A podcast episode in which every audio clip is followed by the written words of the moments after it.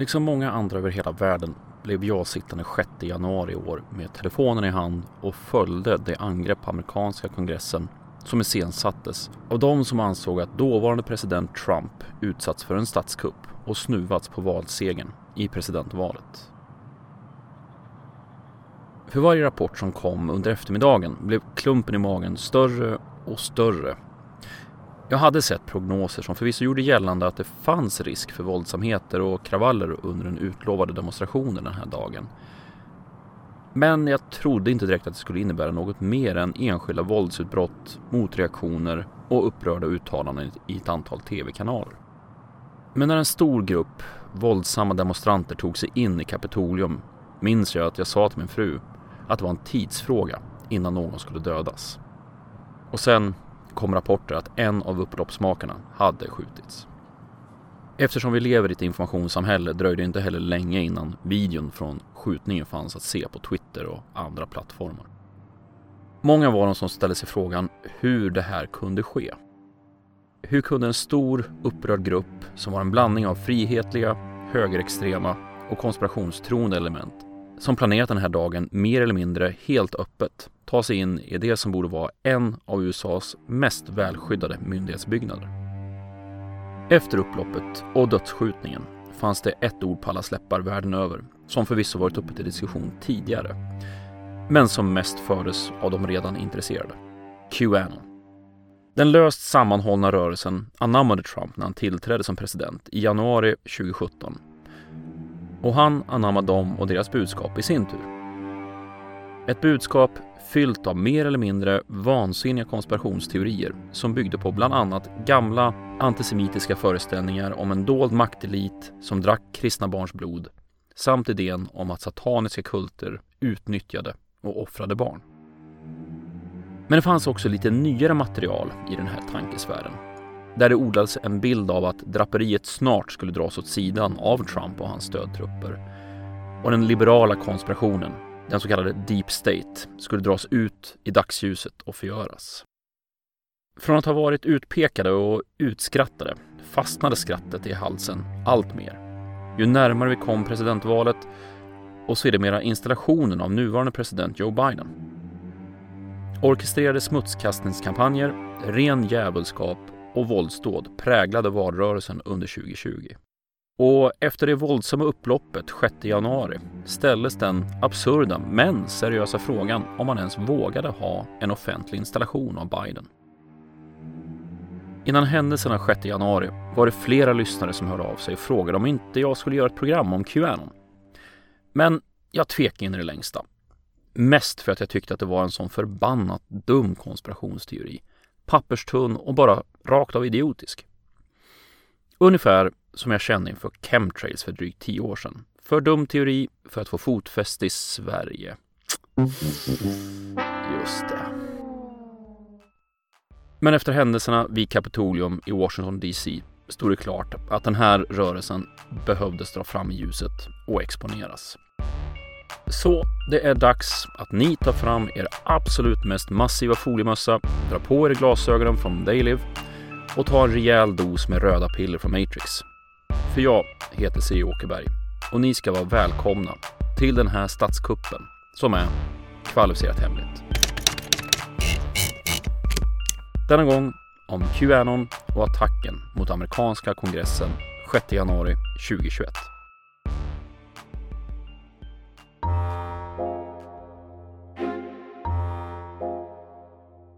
And breaking news tonight the deadly siege on Congress as an angry pro Trump mob storms the U.S. Capitol. We've seen shocking images of chaos, rioters rushing past barricades, and police up the Capitol steps. But his rally here in Tampa, Florida last night was about more than just Trump. It was also a coming out party of sorts for a conspiracy theory that's been popular among Trump fans for a while now. It's called Q. This thing used to only exist in dark corners of the internet. Now it's a t shirt, and the kind of thing you hear every time you go places where Trump has gathered crowds. Let's be clear about what happened in this chamber today. Invaders came in for the first time since the War of 1812. They desecrated these halls and this chamber and practically every inch of ground where we work. And for the most part, they walked in here free. A lot of them walked out free. And there wasn't a person watching at home who didn't know why that was because of the way that they look. Because you'll never take back our country with weakness. You have to show strength and you have to be strong. All right, sit down. We don't have much time. Huh? Tom Hanks and Oprah are just two at the very top of an elite group of people who control everything we see and do. They feed upon children in order to maintain their elite status, and that isn't the worst of it. Do you know what pedophilia is? Here, let me show you. Dad!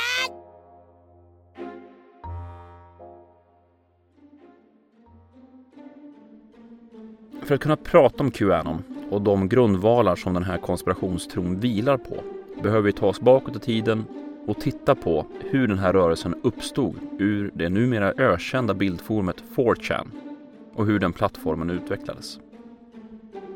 4chan började sitt liv som ett bildforum sjösatt 2003 av den då 15-årige Christopher Poole som fokuserade på mangaserier och som hade som filosofi att eh, forumet skulle vara mer eller mindre helt omodererat och helt osensurerat. No, because identity is not real names. I mean, Okay. I think it, it is about having an identity or some, maybe some amount of, of um, accountability within a community. And you can even have accountability in an anonymous community. I mean, 4chan is, I believe, the most accountable place on the web because if you look at, if you're an outsider to 4chan, I mean, you know, so there are no, no structural barriers to using a site like 4chan. Anybody can come in and enter it and, and use it. Uh, and, and yet you can't because, you know, in lieu of these kind of structural barriers, the community has erected these kind of socio-cultural barriers to, to understand, you know, to understand the community, to, to the language, um, and, and how to kind of act on the site.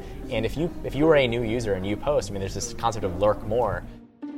Till en början var 4chan som många andra plattformar en djungel av olika subkulturer och för den oinsatte med ett helt eget språk.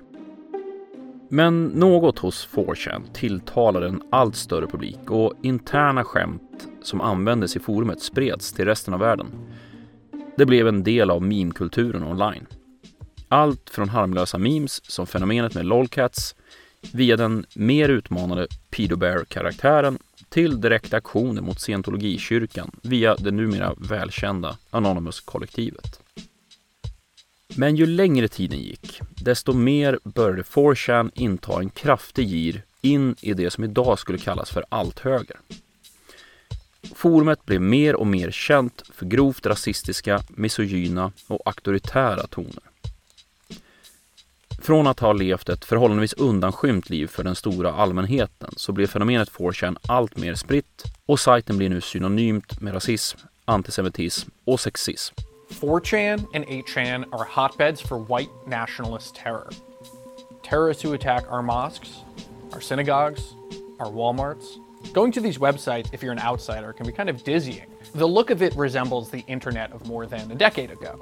And even if you're used to seeing offensive content pop up on Twitter or Facebook, it's not even close to what's being posted and allowed up on 4chan and 8chan. Under amerikanska presidentvalet 2016 kom 4chan att spela en roll i den kraftigt polariserade debatten. Du som lyssnar kanske kommer ihåg meme-karaktären Pepe the Frog som kom att bli synonymt med den amerikanska extremhögern. Och kanske kommer också ihåg det falska ryktet om att Hillary Clinton tillhörde ett hemligt sällskap som utnyttjade och offrade barn. Båda dessa, Pepe the Frog och ryktet om Clinton, kom från och utvecklades på 4chan-forumet. Och även om det låter helt vansinnigt så var det ett antal individer som tog dessa knäppa konspirationsteorier på allvar. Så till en milda grad att en beväpnad man dök upp på en pizzeria i Washington DC och krävde att få se var de höll barn gömda. Allt enligt den här typen av konspirationsteorier. Om du vill höra mer om den här specifika incidenten samt teorierna bakom det som kom att bli känt som Pizzagate så passa på att lyssna på avsnitt 24 av Kvalificerat Hemligt. Länken till det avsnittet återfinns i det här avsnittets länksamling på khpodden.se.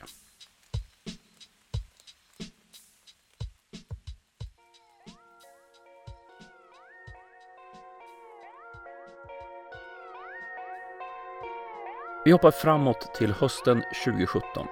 Ett drygt trekvarts år in i Donald Trumps presidentskap. På 4chan postas ett antal inlägg från en individ i slutet av oktober som kallar sig för Q Clearance Patriot under rubriken Calm before the storm. En term som anspelar på ett uttryck som president Trump använde 5 oktober samma år. What's the storming? Could be um, calm before the storm.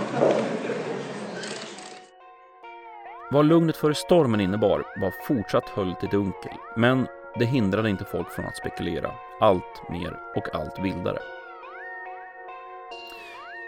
Namnet Q Clearance Patriot anspelar på högsta säkerhetsklassningen inom amerikanska energidepartementet.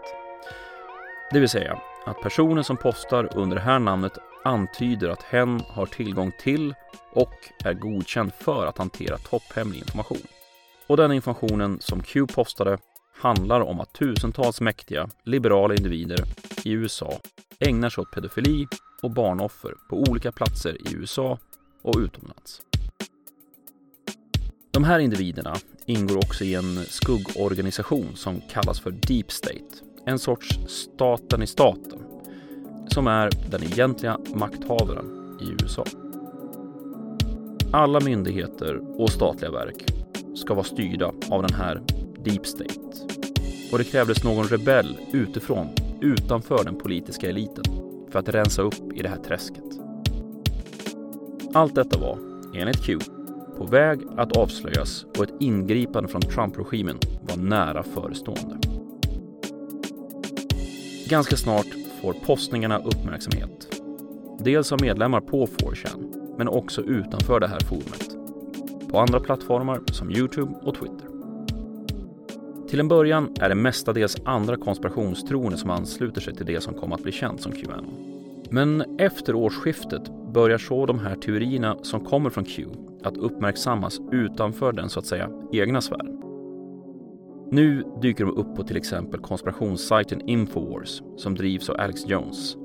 Men nämns också av Fox News-personligheten Sean Hannity och konspirationsentusiasten Roseanne Barr.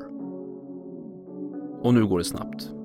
Från att ha varit en nischad konspirationsteori med kryptiska formuleringar börjar olika falanger att anamma dessa teorier, koppla dem till sin egen världsbild och dra slutsatser utifrån detta. Den information som Q släpper är så pass löst sammansatt så i stort sett vem som helst kan tolka in vilka slutsatser och teorier som helst. Det leder också till att allt fler ser röda trådar mellan helt okopplade händelser och skeenden. Man tar det man vill ha av postningar från Q och sen bygger man ett konspirationsmekano av delarna. Allt spretar. Alla är oeniga om exakt vad det betyder. Men den övergripande slutsatsen är klar. De barnamördande liberalerna behöver stoppas och Trump är mannen att göra det. Allt är en konspiration, bara man är villig att gräva tillräckligt djupt. Under senats och representanthusvalen 2018 var Qanon ständigt närvarande.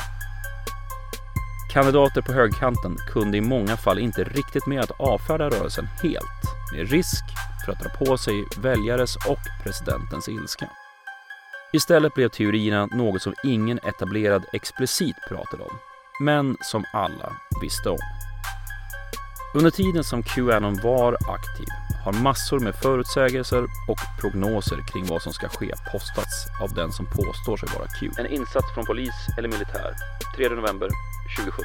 En kupp mot Biden skulle ske 20 januari 2020. Försvarsdepartementet skulle involveras i en aktion 1 februari 2018. En bilbomb skulle detonera i London i mitten av februari. Olika stora namn på anti-Trump eller de från liberala sidan som skulle avgå eller arresteras. Men inget av detta föll in. Konfronterad med att den här typen av förutsägelser inte föll in så blir svaret kort och gott att desinformation är nödvändigt i vissa lägen. Och kanske är det ett resultat av de uppenbara felaktigheterna, men eh, allt eftersom tiden gick så blev Qs postningar än mer vaga, otydliga och Q gjorde inte längre lika många tvärsäkra förutsägelser. I och med det allt vagare språket och ursäkterna med desinformation blev också teorierna en form av krona så vinner jag, klave så förlorar du. Alltså klassiskt konspirationstänk. Ingenting kan motbevisa konspirationen. Istället stärker motbevisbara teorin eftersom det understryker hur starkt motståndet mot citat sanningen slutcitat är. Vi var tillbaka till diskussionen om vad man egentligen kan veta och vara säker på. Än idag vet man inte vem som står bakom kontot Q. Flera försök har gjorts att analysera text från postningarna, både på 4chan och på andra plattformar. Och slutsatsen är att det åtminstone är två personer som ligger bakom. Men eh, samtidigt så spelar troligen identiteten vid det här laget mindre roll. Oavsett vem som skulle kliva fram och ta på sig ansvaret och oavsett hur mycket bevis hen skulle kunna visa upp på detta skulle kunna avfärdas som ytterligare tecken på hur djupt konspirationens tentakler sträcker sig. Konspirationsteorin har börjat leva sitt eget liv. Redan innan han vunnit republikanska nomineringen till presidentvalet 2016 var Trump en person som inte såg sig för god för att liera sig med konspirationsteorier. Under sin valkampanj deltog till exempel Trump i Alex Jones program Infowars. Ett format som var en salig blandning av konspirationsteorier och högerextrema idéer. I just want to finish by saying your reputation's amazing. I will not let you down. You will be very, very uh, impressed, I hope.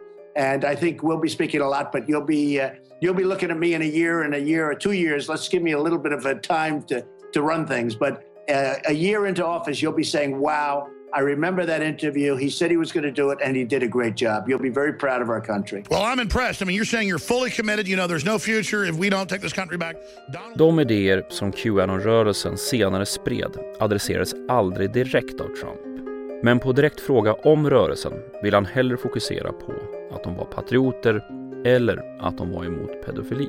theory is this belief that you are secretly saving the world from this satanic cult of pedophiles and cannibals. Does that sound like something you are behind? Or Well, I haven't, I haven't heard that, but uh, is that supposed to be a bad thing or a good thing? I mean, you know, if uh, if I can help save the world from problems, I'm willing to do it. I'm willing to put myself out there, and we are actually. We're saving the world from a radical left philosophy that will destroy this country, and when this country is gone, the rest of the world would follow. The rest of the world would follow. Samtidigt så spred dock Trump via sitt Twitterkonto upprepade gånger de konspirationsteorier som Qanon stod för. Han tog till exempel även emot Michael William LeBron i Vita huset. En konspirationsteoretiker som bland annat var ett namn inom hela den här rörelsen.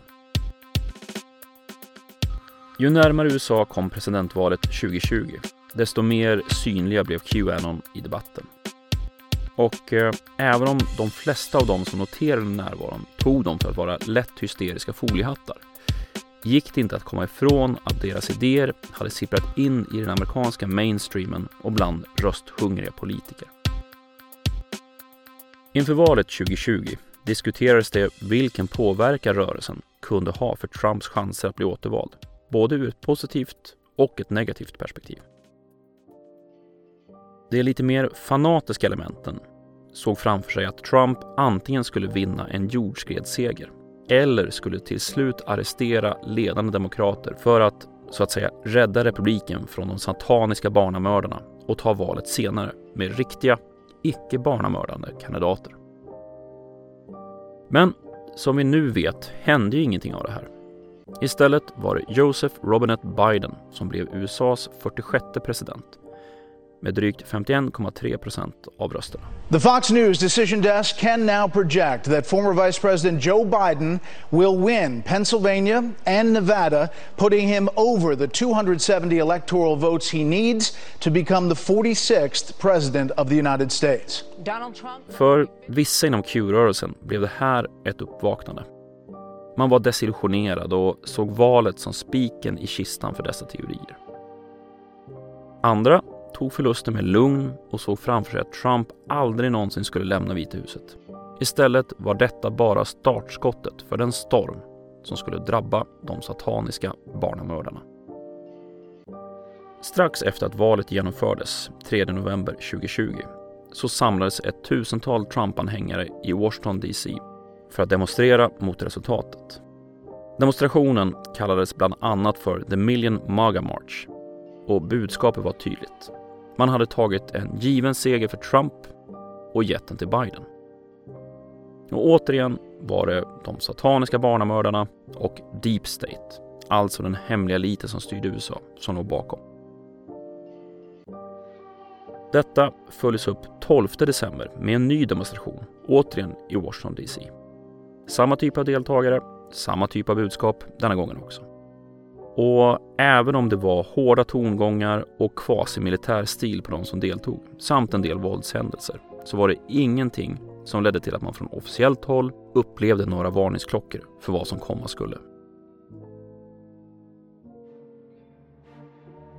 När presidentvalresultatet stod klart för media och allmänheten var det desto mindre klart för Trump-lägret. Eller åtminstone gav man sken av att det var oklart.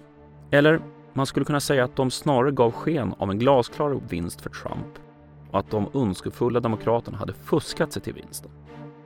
Trumps återvalskampanj försöker med alla tillbuds stående medel att sätta stopp för godkännandet av valresultatet genom en uppsjö av stämningar.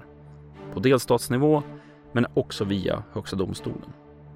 Totalt är det fler än 63 stämningar som lämnas in, men bara en går vidare till ett beslut till fördel för Trump. Och det avslogs senare av delstaten Pennsylvanias högsta domstol.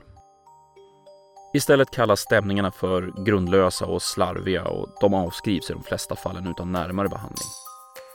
Men trots dessa motgångar eldar Trump på sina anhängare via direkta tal, men framförallt via sitt konto på Twitter.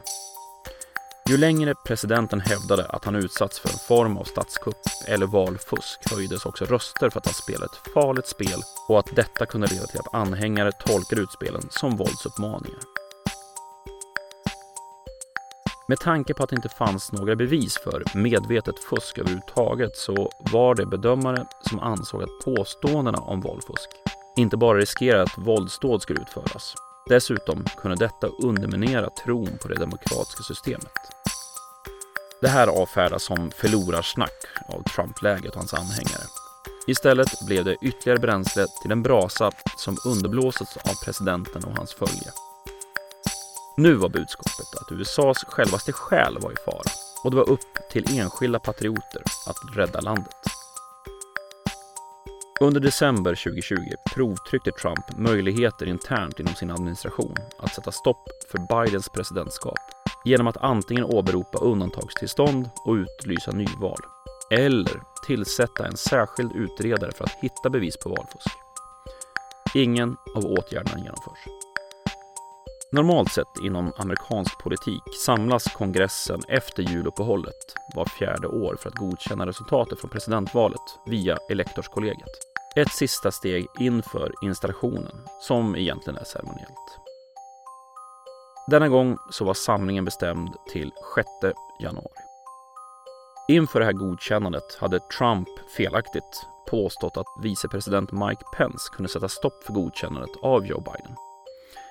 Och det var också något som han påstod på morgonen den 6 januari. För det var inte bara kongressen som hade samling det här datumet. Redan efter demonstrationen 12 december pratar man i pro-Trump-kretsar om att ytterligare en demonstration, the big one, ska ske strax efter årsskiftet. Datumet är satt till 6 januari och återigen är det i Washington DC som demonstrationen ska hållas. Till en början planeras demonstrationen av en organisation som kallas för Women for America First. Men ganska snart, när det står klart att Trump ska tala vid demonstrationen, tas planeringen över av Vita huset och diskussioner förs hur man ska lägga upp dagen. Ursprungligen är planen att man ska hålla sig på den plats man blivit anvisad. Men eh, det beslutas istället att man ska uppmana demonstranterna att gå mot Kapitolium, där kongressen samlats, innan de röstar om presidentvalresultatet. Inför den 6 januari pågår ett febrilt arbete med möten, fysiska såväl som online, kampanjträffar samt insamlingar för att försöka locka Trump-anhängare till Washington DC. Och det är inte bara bekymrade anhängare som dras till eventet. Till demonstrationen lockas både våldsbenägna högerextremister och miliser likväl som Qanon-anhängare. Som inte helt sällan också tillhör någon av de två förstnämnda kategorierna. Så här i efterhand, med facit i hand, står det klart att den 6 januari var en dag som var upplagd för kaos, våld och krig. Mitt i centrala Washington DC ligger det så kallade National Mall. Ett stort parkområde som insluter en stor mängd av USAs politiska funktioner och monument. Här finns Vita huset, Lincoln Memorial, Washington-monumentet, Smithsonian-museet samt Kapitolium, hemvisten för USAs kongress. Om du skulle ställa dig på kullen där Washington-monumentet återfinns har du utsikt västerut mot Lincoln Memorial med den stora vattenspegeln precis utanför. Vänder du dig istället österut så ser du Kapitolium och dess massiva vita kupol. Och slutligen, om du tittar rakt norrut så kan du se Vita huset. Och halvvägs mellan Washington-monumentet och Vita huset återfinns The Ellipse, en stor oval gräsyta. Det hör inte till ovanligheten att eh, Washingtonborna samlas här på helgerna för att spela fotboll och andra sporter eller köra en picknick. På förmiddagen den 6 januari 2021 är det Ellipse fylld. Inte med fikande Washingtonbor utan med amerikanska flaggor, banderoller med budskap som Stop the Steal och Trump 2020. I folkhavet syns också Qanon och sydstatsflaggor. Talarna avlöser varandra men budskapet till de tusentals som är samlade är detsamma. Presidentvalet var en konspiration för att fälla Trump. Många republikaner är syltryggar. Demokraterna är onda konspiratörer.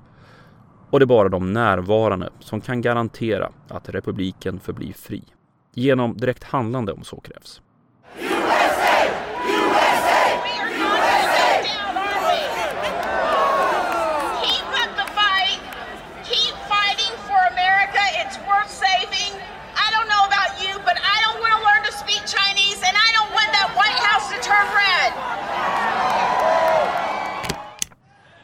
But if we're right, a lot of them will go to jail.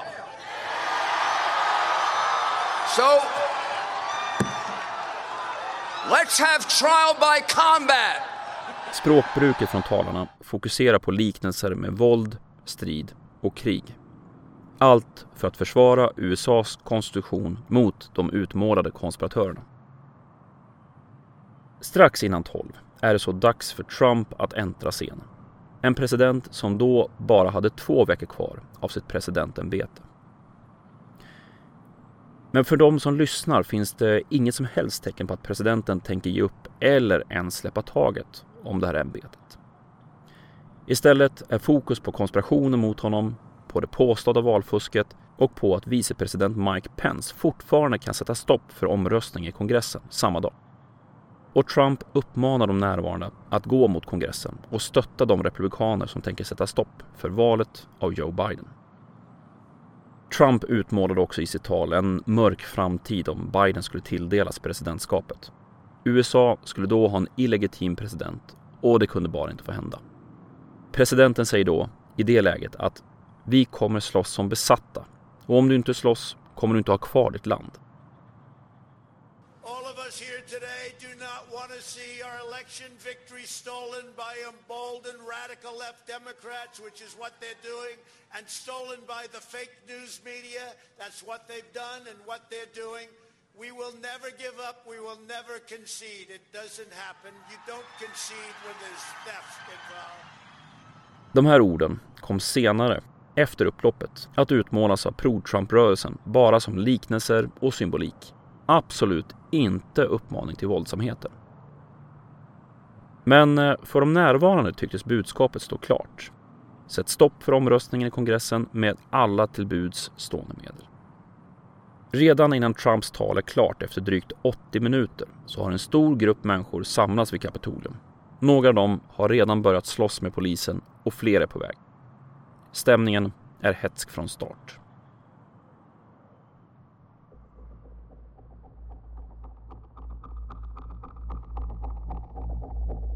Utanför Kapitolium har polisen förberett sig för att demonstranterna ska dyka upp.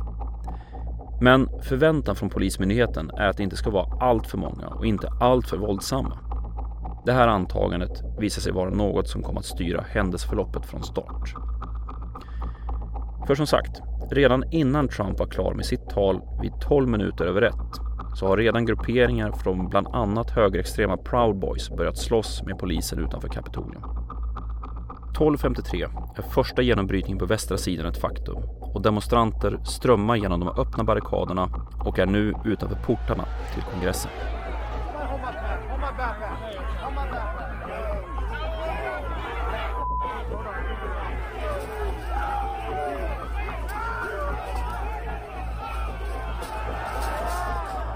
Samtidigt, inne i Kapitolium, går senatorerna och vicepresident Mike Pence till kammaren för omröstningen.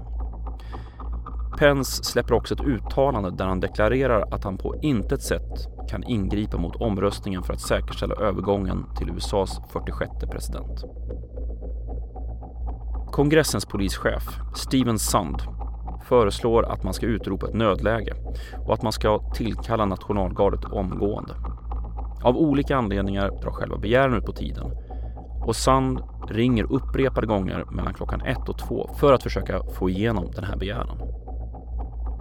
Samtidigt, en bit bort från kongressen, gör polisens bombskydd två insatser då man har hittat rörbomber utanför både Republikanernas och Demokraternas partihögkvarter. An explosive device has been located at the, the headquarters of the Republican National Committee.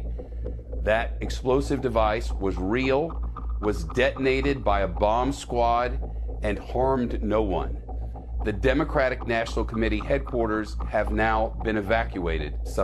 Än idag vet man inte identiteten på den person som placerade ut de här bomberna. Trots att man har övervakningsbilder på en misstänkt man.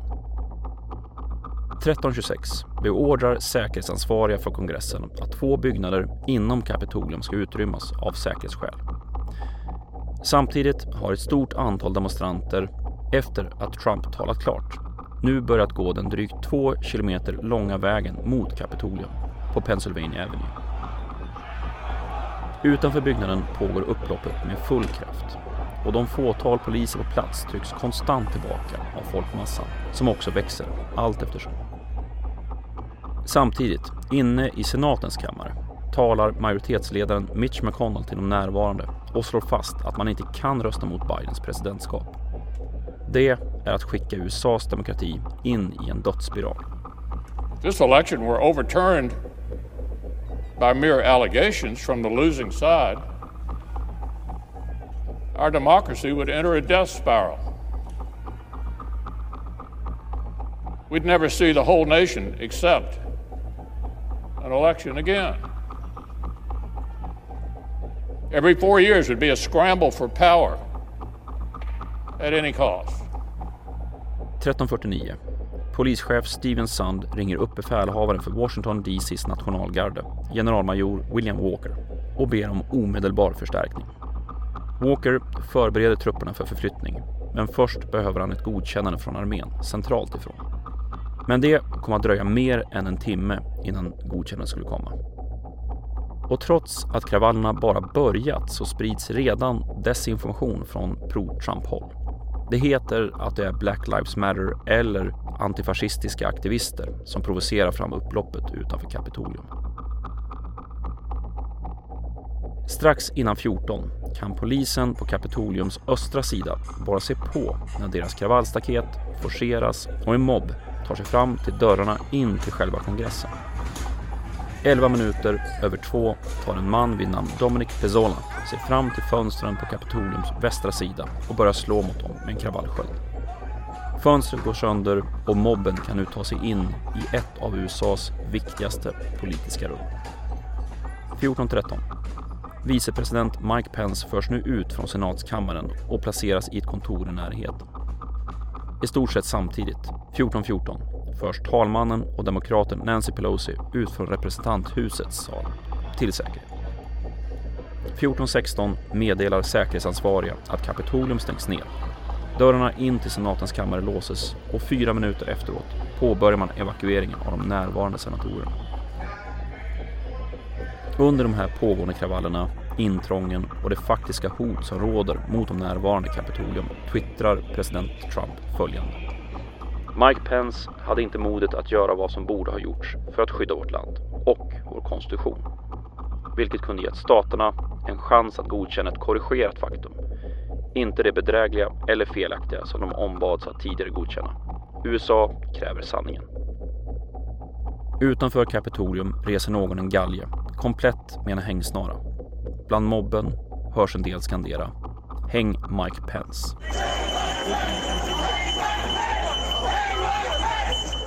I det här läget, när fönster och dörrar öppnats på vid gavel, fylls kongressen allt snabbare av upploppsmakare som sprider ut sig på markplan i byggnaden. En del av de närvarande är mer fokuserade än andra och börjar leta efter sätt att ta sig in till senatorerna och kongressledamöterna. Det fåtal poliser som befinner sig i byggnaden kämpar för att försöka få ut de våldsamma demonstranterna och samtidigt hålla politikerna säkra och skilda från upploppet. Men det finns tjänstemän utanför senatens och representanthusets kammare som, när intrånget var ett faktum, desperat försökte barrikadera sig och gömma sig från upploppsmakarna. Särskilt de som jobbade för Demokraterna hade inga föresvävningar om vad som skulle hända med dem om de blev påkomna.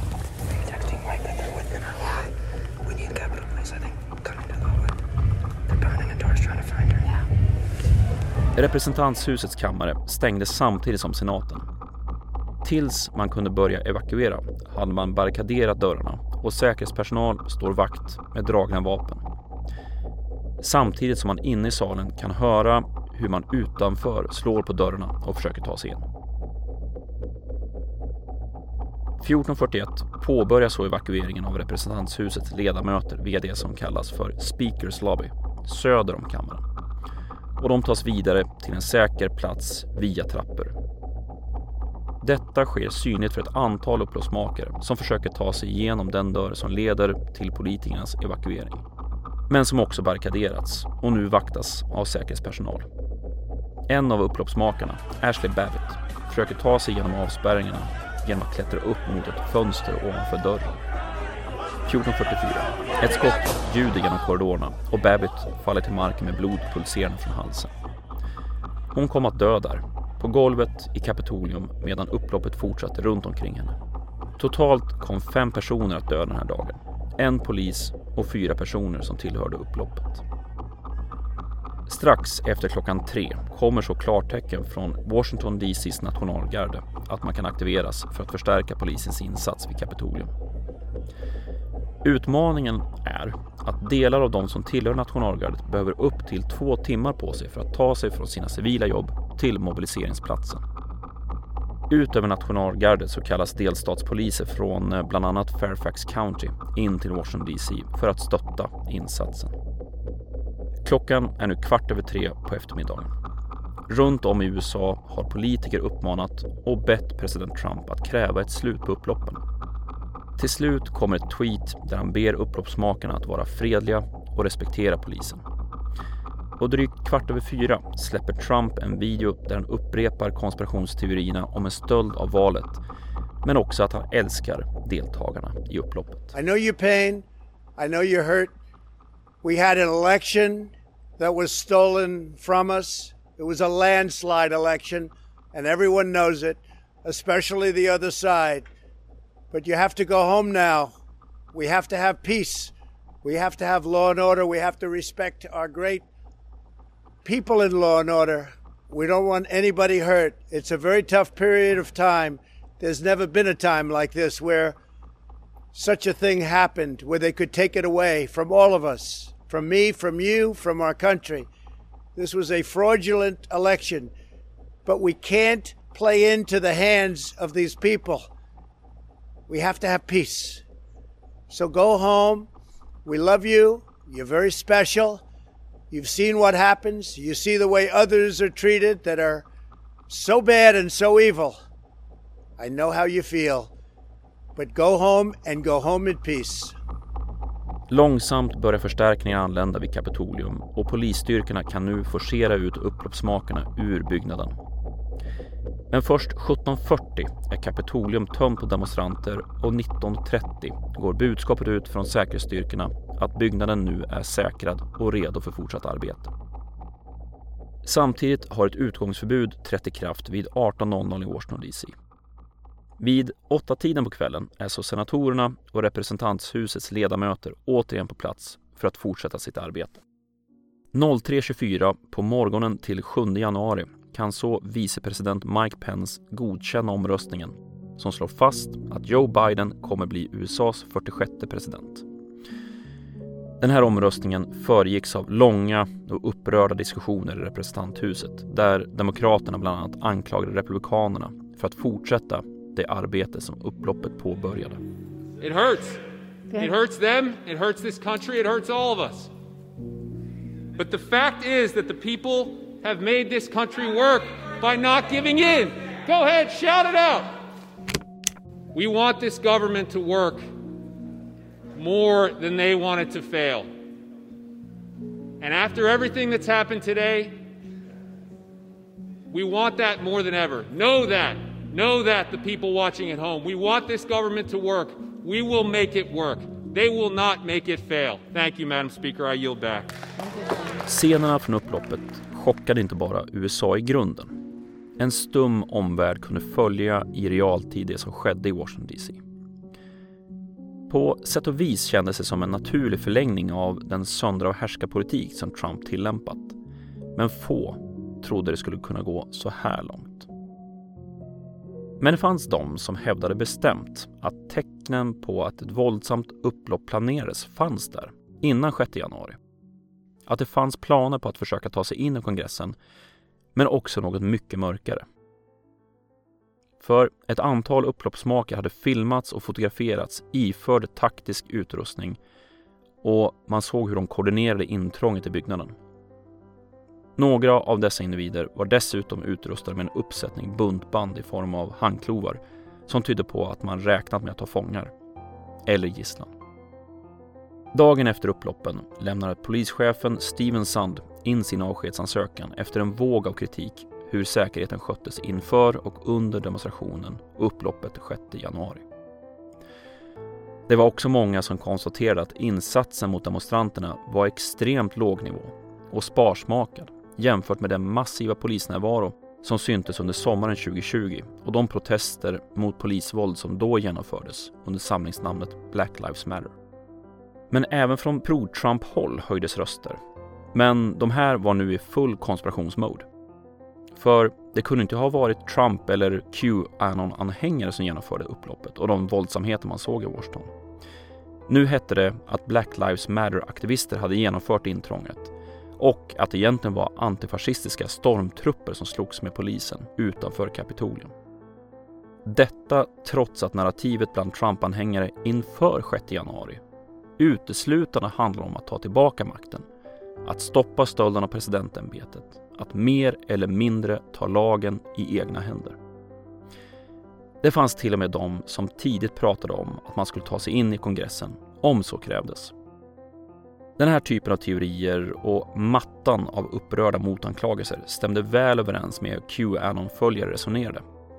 För när nu de var i blickfånget för något anhängarna deltagit i så måste det ju vara en del av en större konspiration genomförd av Deep State. Istället för att man försökt genomföra en statskupp så var det motståndarsidan som provocerat fram upploppet. Den gigantiska konspirationen fortsatte att verka i det fördolda. 13 januari påbörjas så ett riksrättåtal mot president Trump i representanthuset för, som det heter, uppvigling till våld mot USAs statsmakt. I ask you to search your souls and answer these questions. Is the president's war on democracy in keeping with the Constitution? Were his words an ins- ins- insurrectionary mob a high crime and misdemeanor? Do we not have the duty to our oath to do all we constitutionally can to protect our nation and our democracy from the appetites and ambitions of a man who has self evidently demonstrated that he is a vital threat to liberty, to self government, and to the rule of law? Utfallet är oklart när man går in i processen, men ganska snart står det klart att republikanska senatorer inte tänker fälla president Trump för det som hände den 6 januari. Istället blir det interna stridigheter inom Republikanska partiet när det visar sig att flera senatorer och ledamöter trots allt röstar för att fälla Trump. Tal om dolkstöt i ryggen, förräderi och ryggradlöshet slängs i den hetska debatten som följer. På sätt och vis blev upploppet tidig januari en form av milstolpe för Qanon-rörelsen. Man hade deltagit i något som kunde liknas vid ett försök till statskupp.